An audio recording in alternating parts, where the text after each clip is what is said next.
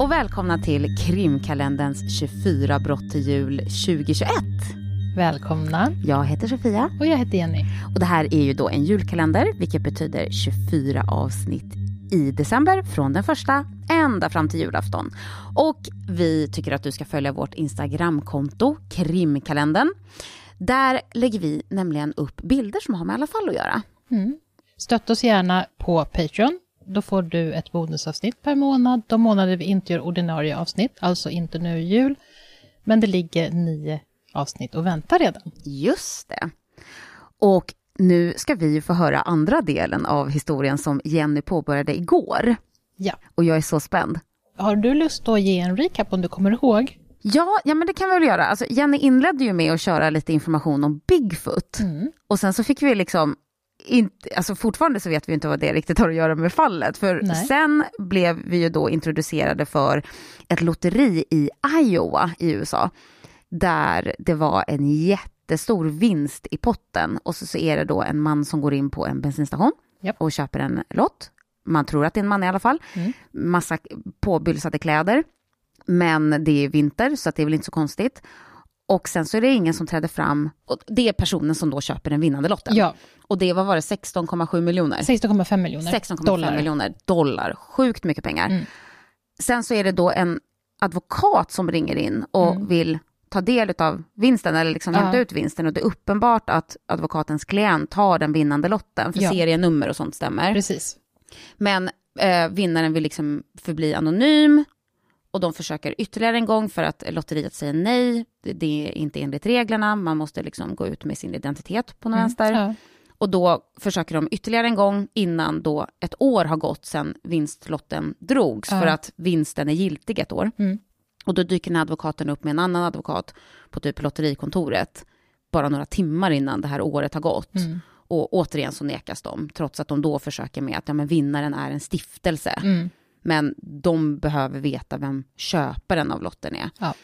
Sen så går det jättelänge för att typ åklagarkontoret i Iowa tycker att det här är så konstigt, att det kanske ligger ett brott bakom, att den här personen som har köpt lotten på något vis har bragts om livet Mm.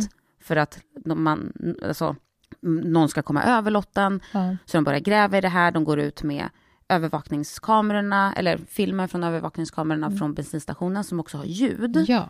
Och då känns rösten igen av människor som jobbar för en typ Svenska Spelorganisation. Mm. En IT-snubbe som heter Eddie var det va? ja, Eddie Tipton. Eddie Tipton, som enligt så, sitt kontrakt då, med tanke på det han jobbar med, inte får köpa lotter eller Nej. vinna. För han jobbar liksom med IT, datorer, mjukvara.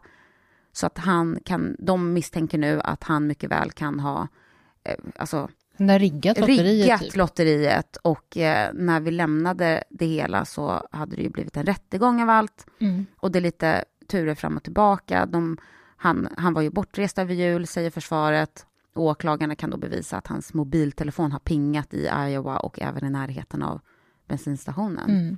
Typ så. Ja. Och det slutar med att han befanns skyldig ju.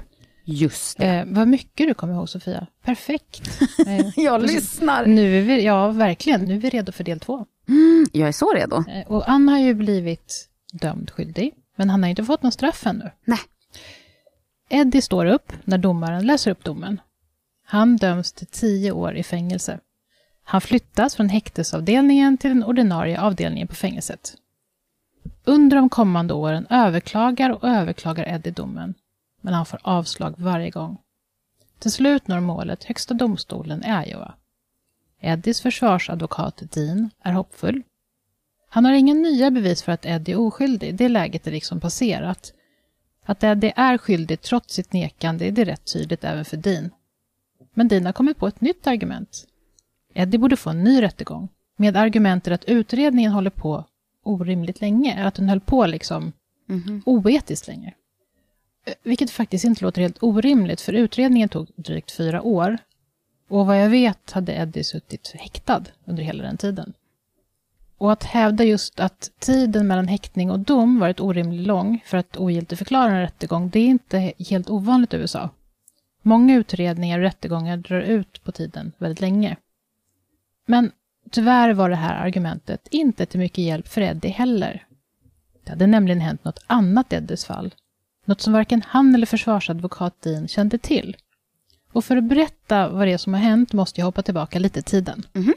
Till direkt efter rättegången. Eddie har precis blivit dömd och nyheterna har slagits upp stort i tidningarna. Några dagar efter domen får åklagare Rob, om du kommer ihåg honom, Rob Sands, ett telefonsamtal. Mm. Samtalet kommer från Houston i Texas. Det är där han kommer ifrån, va? Han kom från... Ja, precis. Personen som ringer hade sett en artikel i dagstidningen om att Eddie Tipton blivit dömd för lotteribedrägeri. Det mannen undrade var om Rob visste att Eddies bror Tommy, alltså han som vittnade om att Eddie inte hade haft skägg på, när han köpte lotten. Den här personen undrade om, om Rob visste att Tommy hade vunnit lotteriet i Texas några år tidigare. Åklagare Rob blir förbluffad. Har Eddies bror Tommy också vunnit lotteriet? Alltså, det här kan ju inte vara en slump. Rob behöver veta mer. Han ringer upp FBI och beskriver vad han har fått reda på. Just det, för nu är det ju federalt då. Precis. Och den här agenten han pratar med knapprar in de nya uppgifterna han får, han får av Rob och blir kopplad till en FBI-agent som heter Richard Rennison. Rob berättar att han är åklagaren som har drivit fallet mot Eddie Tipton som försökt lura lotteriet på pengar. Och han berättar om den här nya informationen han har fått, att Eddies bror Tommy också vunnit lotteriet, men i en annan delstat. När agent Richard får höra allt det här utbrister han. Hej, that's my Bigfoot case. Bigfoot! Ja! Alltså, men det här är ju mitt Bigfoot-fall. Och så börjar Richard berätta bakgrunden till det han kallar sitt Bigfoot-fall. 2006, alltså fyra år innan Eddie köpte den vinnande lotten på bensinstationen, hade en man som hette Tom Bargins hört av sig till polisen. Jag kan förvarna nu att det blir lite namn och lite turer. Mhm. Så det kan vara bra kanske att tänka på, se det här som jag berättar nu som liksom ett separat fall. Okej, ja. Alltså, en man som hette Tom Bargins hade hört av sig till polisen. Han hade varit med om en sak som han tyckte verkade misstänkt. Han visste inte på vilket sätt det var misstänkt, men konstigt verkade det i alla fall. Och han ville absolut inte själv bli indragen i någonting och kanske misstänkt för något fuffens. Nej, då var det bättre att förekomma och ringa polisen direkt. Tom ägde ett antal förverkeributiker i Texas. Det gick bra för Tom, han tjänade en hel del pengar. Amerikanerna gillar förverkerier massor. Och han tjänade inte pengar jämnt fördelat under året, utan som två större högar. Under två särskilda tillfällen, den 4 juli, nationaldagen, och på nyår. Efter nyår så hade Tom alltså en hel del kontanter i sin förverkeriverksamhet. För att han fick betalt för förverkerierna ganska mycket kontant verkar det som. Och en man som han var avlägset bekant med, som vi kan kalla Mr K, han ringde Tom efter nyår och sa att han hade en halv miljon dollar i kontanter. Och han ville liksom växla dem mot Toms pengar.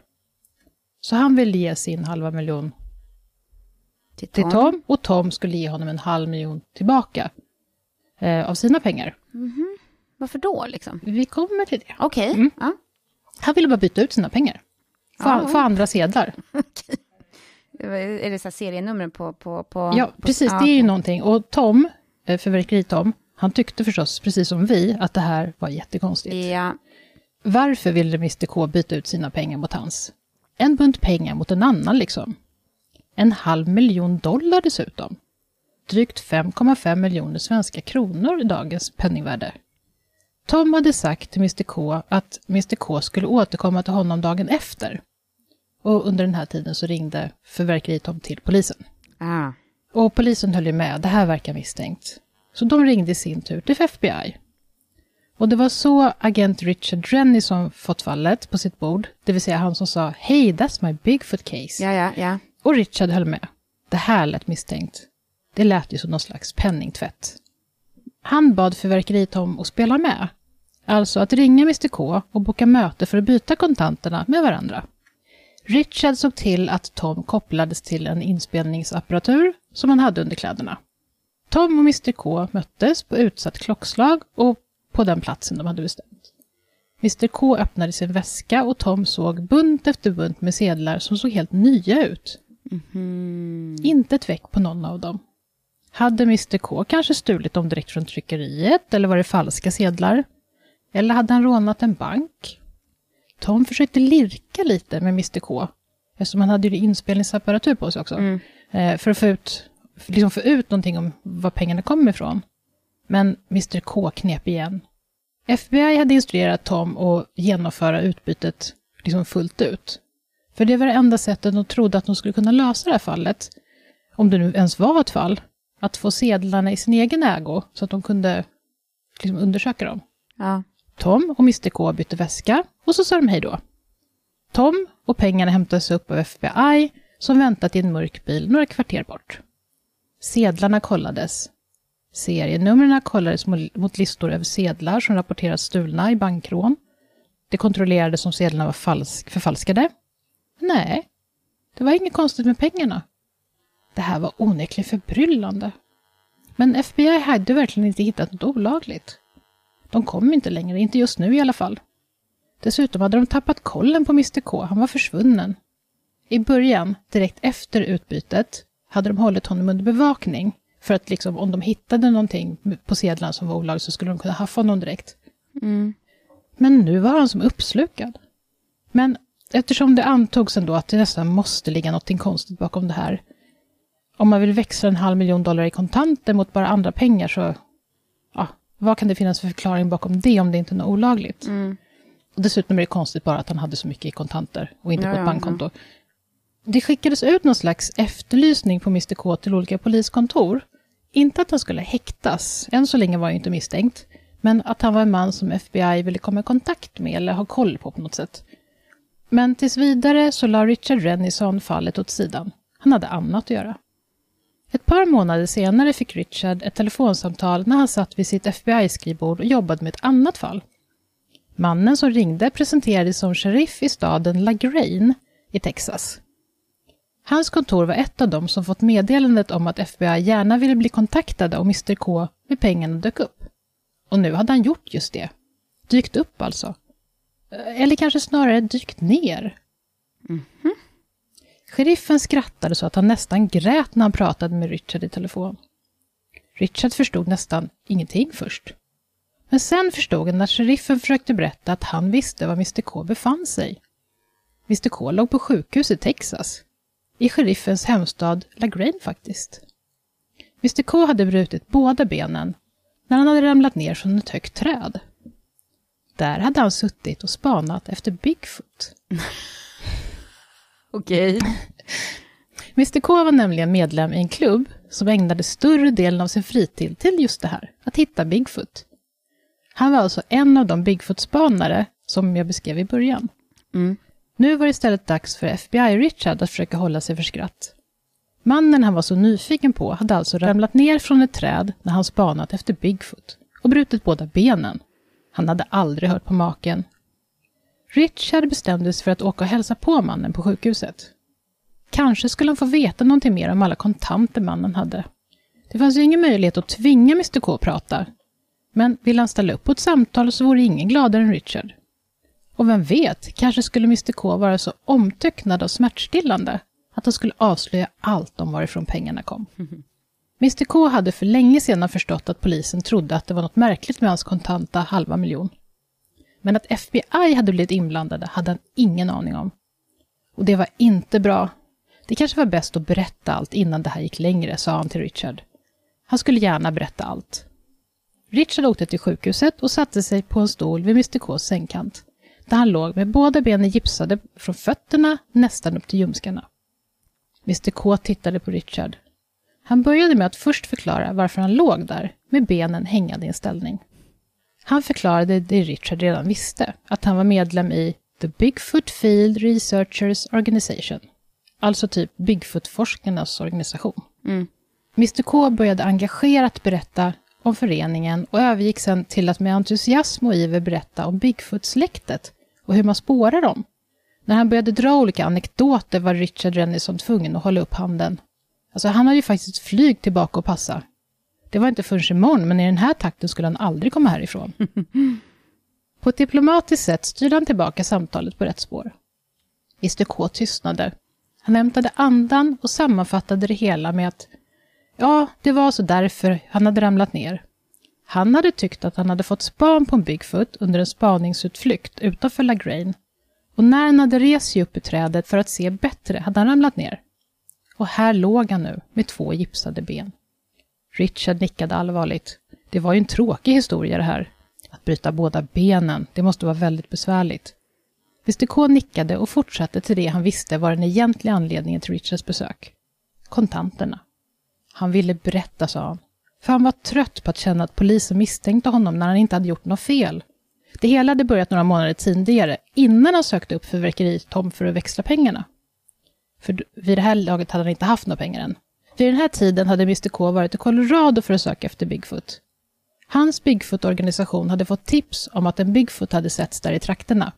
En dag efter att dagens sökande var klart hade han sett på löpsedlarna utanför en affär att Colorado-lotteriet precis skulle ha dragning. Han brukade inte ta lotter, berättade han, men den här gången gick han in och köpte en lott. Och till hans stora förvåning hade han vunnit högsta vinsten. En halv miljon dollar. Mm. Men det var ett problem, berättade han. Han avskydde sin fru. Och han var inte alls sugen på att dela vinsten med henne. Därför hade Mr K bett en vän hämta ut pengarna och låtsas att han hade vunnit dem. I ersättning fick vännen 10% av vinsten. Vännen hade alltså blivit registrerad som vinnare hos MUSL och inte Mr K. Och jag antar att det är rätt ovanligt att en lotterivinnare ber att få hela vinsten i kontanter och inte insatt på sitt konto. Mm. Men det kanske var tvunget att göra så för att Lätt vännen tog ut en pengarna. Ja, Ja. för att det inte skulle synas. Men sen, och den här delen är lite, är både för mig och Richard Rennison lite förvirrande. Men efter att de hade gjort den här, eh, att kompisen hade tagit ut vinsten, så ville Mr K göra det ytterligare lite svårare att spåra pengarna till honom. Och det var därför han då gick till fyrverkeritom, för att byta ut sedlarna till några andra sedlar. Det var så han förklarade det i alla fall. Alltså, ja, det... Han ville komma ett steg längre ifrån lotteriet bara. Och Ja, allt- nej, jag ja. skakar lite på huvudet Ja, faktiskt. det jag var- fattar inte. Ja, mm. Men ja, det är inte så många som förstår det. Och vi kommer till, så, vi kommer till varför sen. Men allt det här alltså för att hans fru inte skulle få veta någonting om vinsten. Hon var nämligen supersmart. Hon skulle förvandlas till en riktig detektiv om hon fick nys om det här. Därför måste Mr K också vara supersmart när han så att säga gömde pengarna.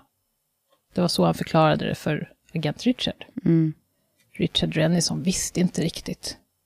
Jo, han kunde väl förstå att Mr K ville ha pengarna för sig själv om han nu hade så risigt förhållande. Även om det inte var särskilt moraliskt. Det var till och med olagligt. Och sättet Mr K hade gått tillväga var liksom så komplicerat.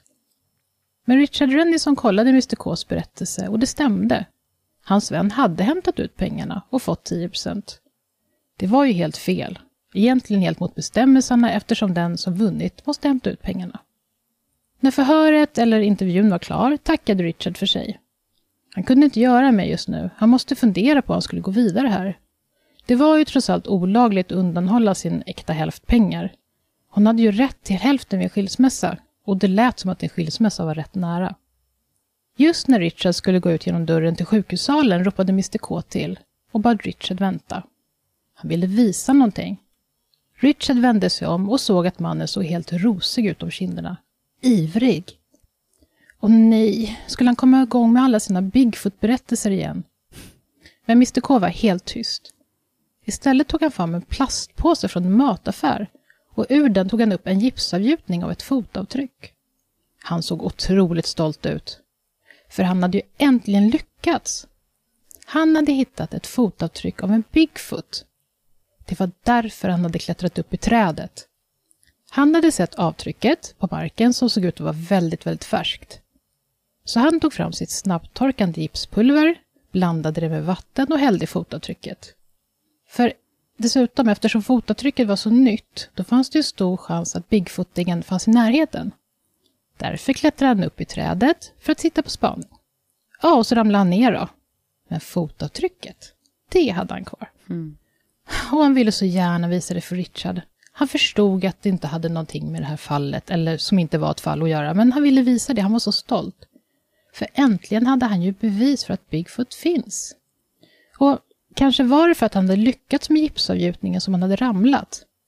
Kanske hade han varit så exalterad när han var uppe i trädet att han inte riktigt kommit ihåg att hålla i sig ordentligt. FBI-agent Richard tittade på avtrycket. Han förstod ingenting. Och han var dessutom för förvånad för att vara finkänslig.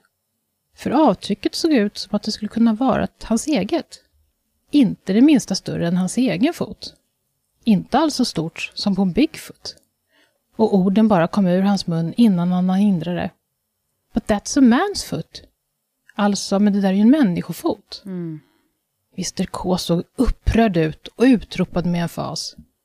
But don't you understand? It is a Bigfoot. It's a juvenile. Alltså översatt. Mm. Men förstår du inte? Det är ju ett barn, en liten Bigfoot. Och det här, som du kanske har förstått nu, det är ju som en liten bihistoria Ja. i så. Mm. Men det är lite roligt, för det var faktiskt så som eh, Richard Rennison fick kontakt med honom. Eh, Fick liksom prata om pengarna och allting. Och pengarna är ju det viktiga i historien. Precis. För nu kommer jag till punkten när jag kommer berätta vem Mr K är. Ja. För Mr K, mannen som hade vunnit lotteriet, var såklart Tommy Tipton, Ja. Eddies bror. ja. Han hade vunnit lotteriet. Eftersom det här var fyra år innan Eddie vann lotteriet var det liksom ingen som kopplade ihop att Tommy hade en anhörig som jobbade på MUCL.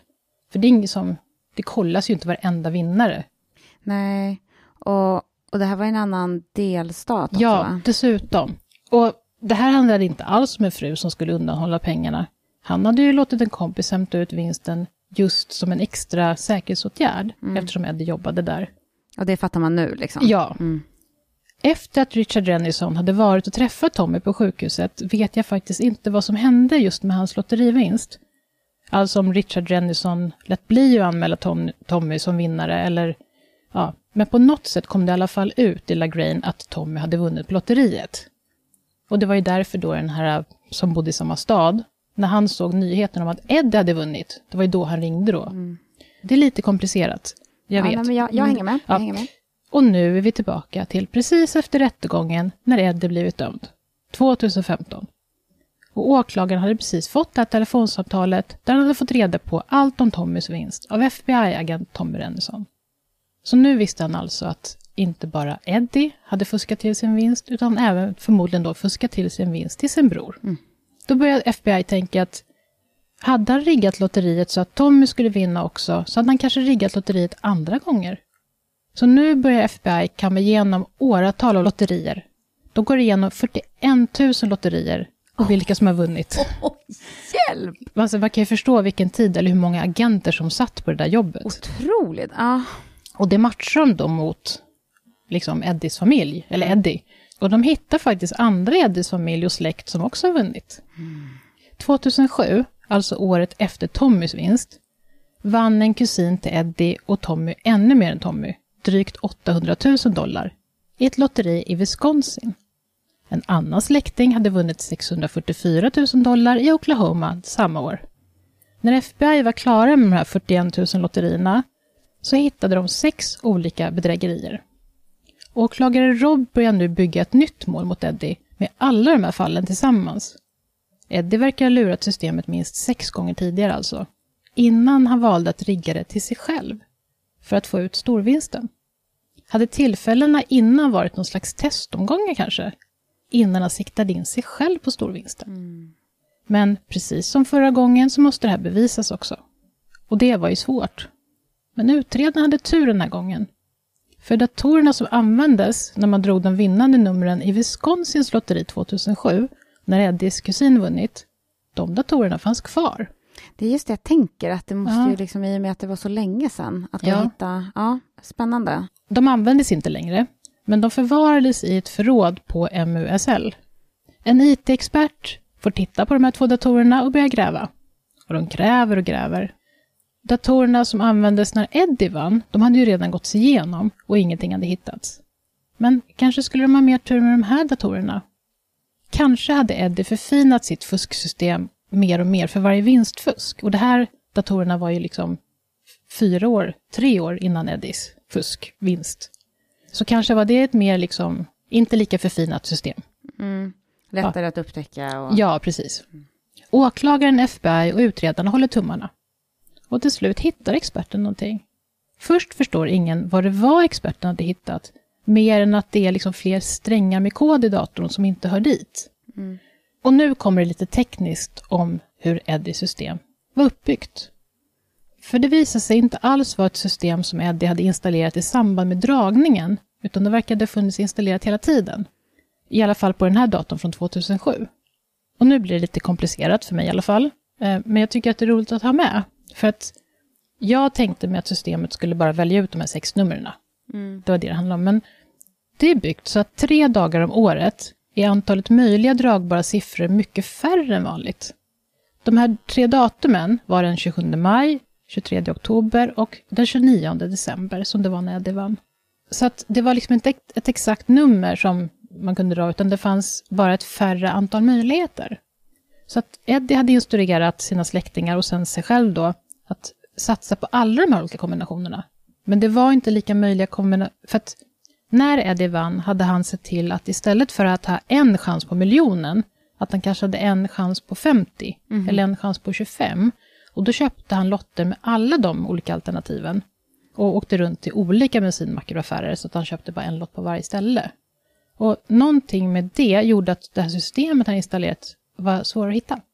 Ja, för då är det ju som, det är inte som att han köper en lott och sen får systemet att välja nummerkombinationer på just den lotten. Nej. Utan han vet vilken nummerkombination som kommer dras Ja, och så, så letar han reda på den nummerkombinationen. precis.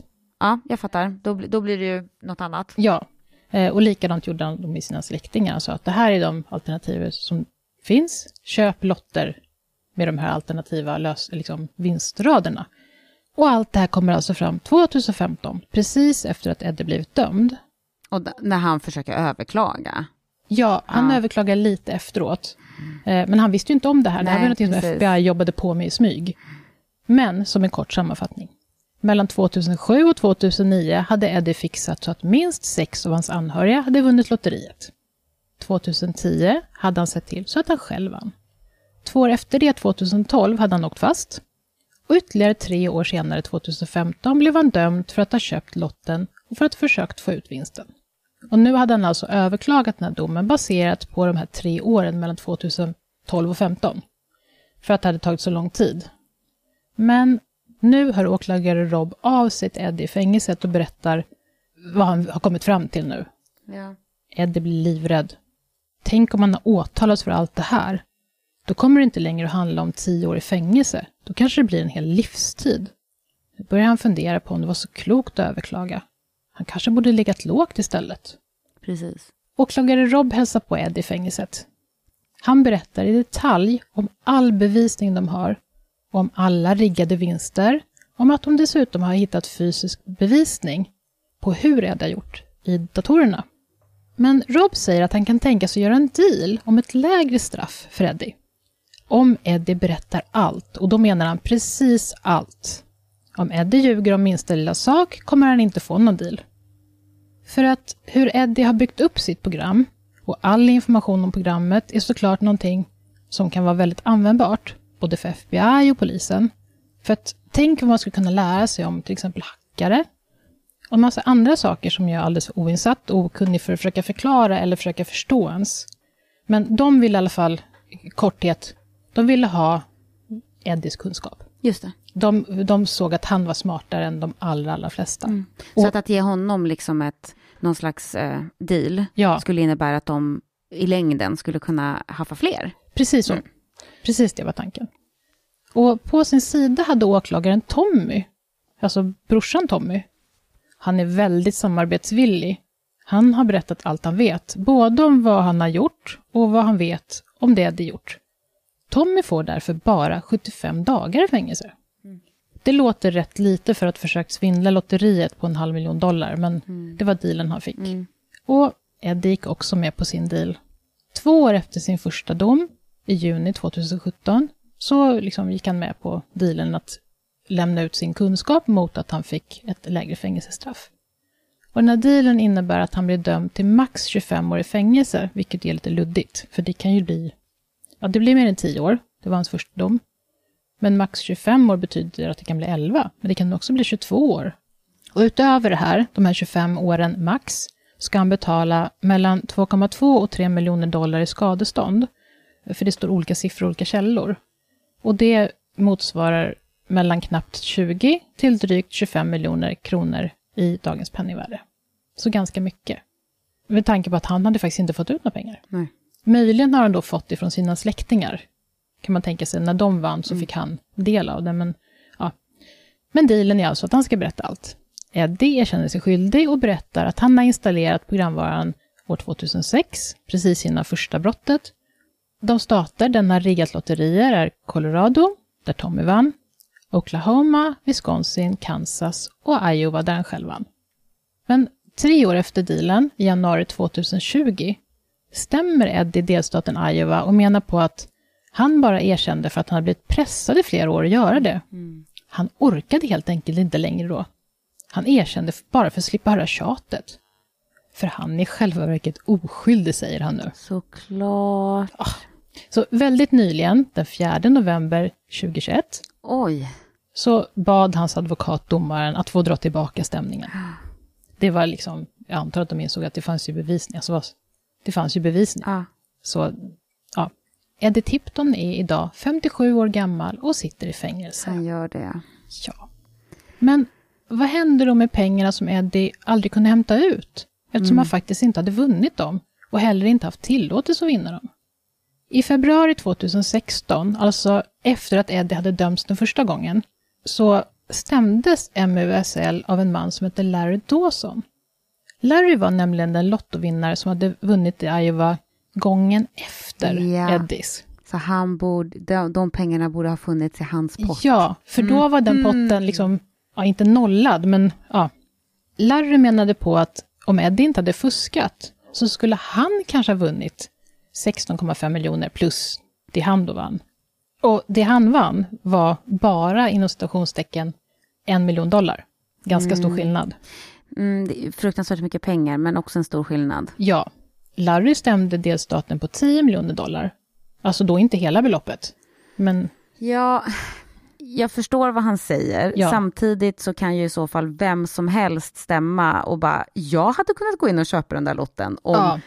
Eddie inte hade köpt lotten hade jag kunnat, jag brukar åka till den här bensinstationen och köpa, eller förstår du, det blir, det så. blir lite långsökt. Liksom. Precis, precis så, och det var också det som, eh, den som var vd för Iowas delstatslotteri, som jag tar med för att han har ett litet passande namn, han heter nämligen Terry Rich. Det, hans argument var det här, man kan inte skriva om historien. Det som har hänt har hänt. Om inte Eddie hade vunnit, då kanske hade någon annan hade gjort det. Det vet man ju inte. Precis, ja. Efter ett antal turer fram och tillbaka så förlikades Larry och Iowa och Larry fick 1,5 miljoner i någon typ av skadestånd eller deal. Plus då den miljon han redan hade vunnit. De pengar som Eddie hade vunnit men egentligen inte vunnit Ja, ja. var låsta på ett konto. De hade ju inte delats ut till någon. Inte till honom och inte heller till Larry. Till slut slutade det med att pengarna delades ut mellan de här 16 delstaterna som alla hade det här Hot Lotto Jackpot. Och det här var historien om Eddie Tipton och den största lotteribedrägeriet i amerikansk historia. Och det var faktiskt också till viss del historien om Bigfoot Ja. och Bigfoot Junior. Alltså wow. Det är ett lite förvirrande fall. Nej, men jag hängde med, Men- du berättade det ja, jättebra ja, tycker bra. jag. Så att, eh, du, du sa så här, nu blir det knepigt och nu, jag hängde Ja. med hela tiden. Ja, men vad bra. Jag fastnar ju för det just för den här roliga att han ramlar ner från trädet. Det är ju lite... Ja, och hela, alltså bara kopplingen till Bigfoot och just den jag, jag vet ju, jag kan ju se framför mig hur du gjorde, för det är ju säkert samma sak som jag, när man hittar en sån grej så bara, åh, då får jag prata lite om Bigfoot också.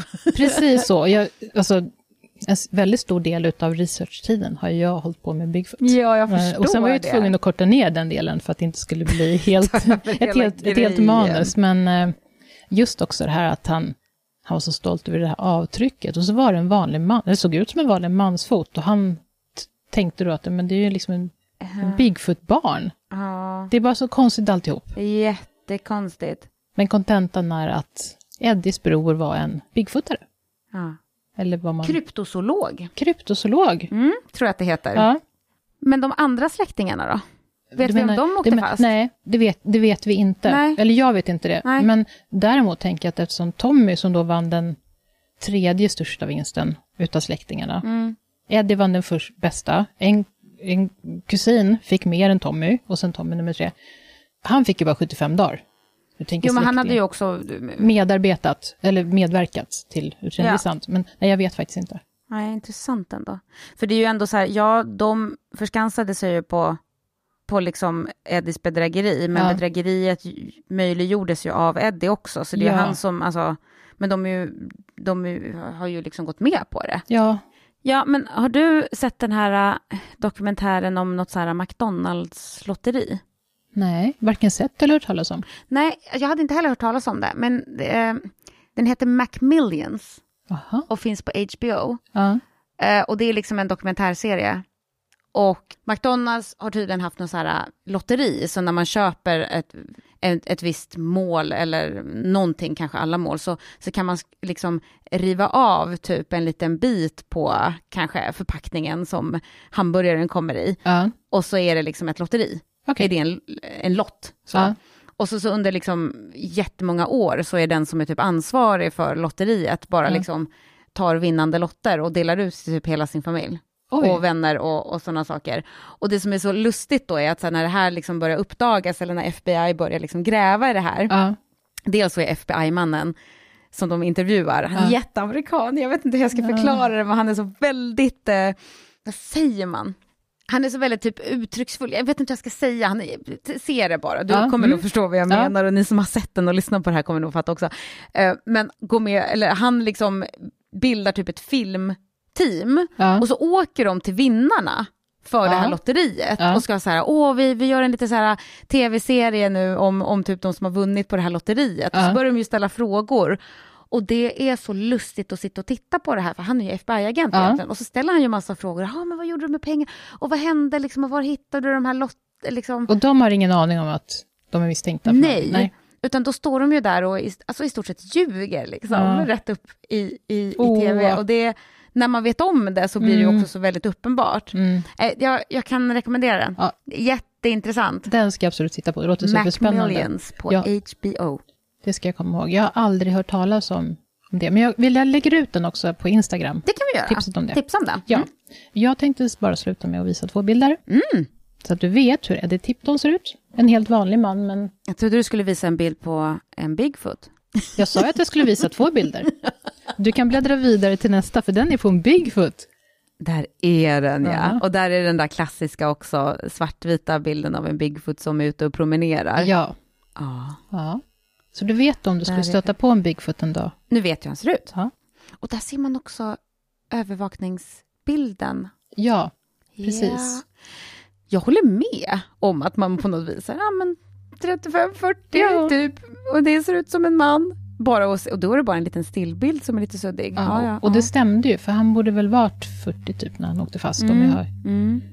Intressant. Eh, tack snälla, Så. det här var superspännande tycker jag. Tack själv för att du har lyssnat. Och Absolut. tack för att ni där ute har lyssnat. Åh, tack snälla. Men vi ses ju igen imorgon. Det gör vi. Eller hörs. hörs. Ha det bra tills dess. Det här är bra. Mm. Hej då. Hej då!